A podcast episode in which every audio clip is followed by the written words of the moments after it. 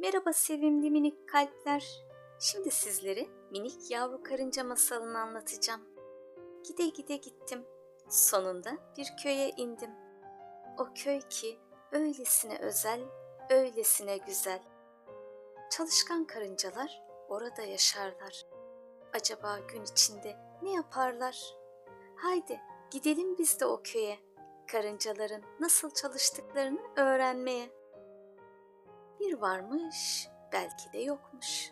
Evvel zaman içinde, kalbur saman içinde, develer tellerken, pireler berberken, ben de minik karıncaların beşiğini tıngır mıngır sallarken, kocaman dağların arkasında gizlenmiş, karıncaların yaşadığı yemyeşil bir köy vardı. Bu köyde her gün çok fazla iş yapılırdı.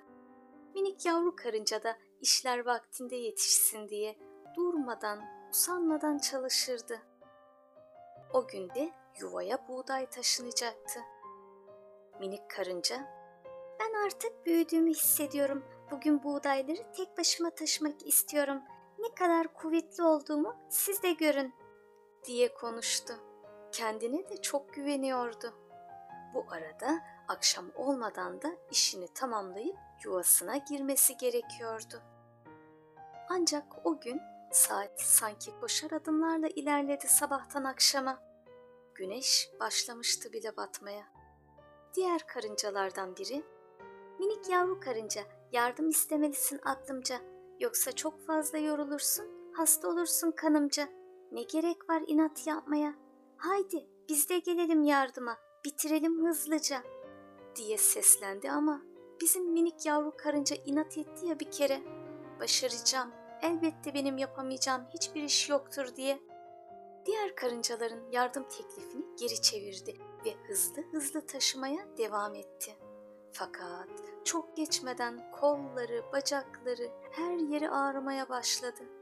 Kendi kendine dayanmalıyım, çok az kaldı diye mırıldandı. Oysa buğdayların daha yarısını bile taşımamıştı. Biraz daha koştu yavru karınca. Yetiştirmeliyim akşama. Yoksa rezil olurum bütün karıncalara diye başladı konuşmaya. Ancak güneş dağların arkasına iyice saklandı. Hava karardı, ay gökyüzünde parladı. Minik karınca gece karanlığında kalınca aklı da karıştı, yolu da. Kıvrıldı bir yaprağın altına, başladı mışıl mışıl bir uykuya. Sabah olunca yuvadaki diğer karıncalar çıktı dışarıya.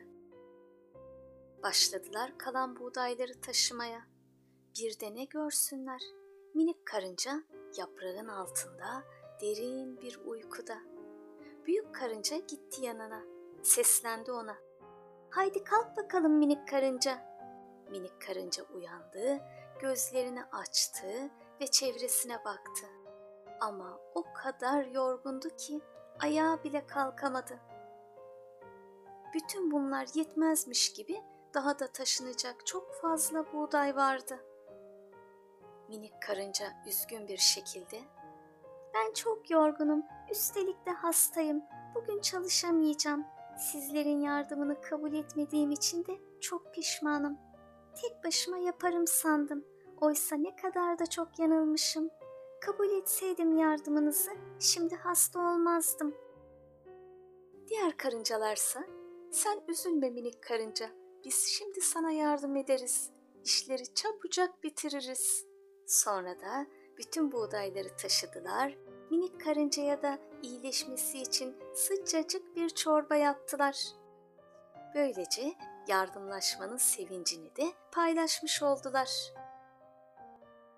Demiş atalarımız?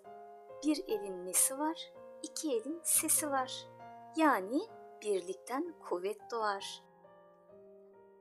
Tekrar görüşmek üzere sevimli minik kalpler. Hoşçakalın.